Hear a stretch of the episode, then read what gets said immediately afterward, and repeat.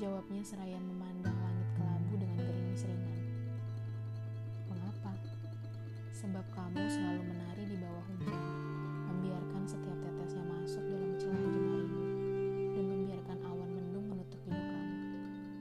Ada lagi, memandang kejauhan dari pinggir jendela.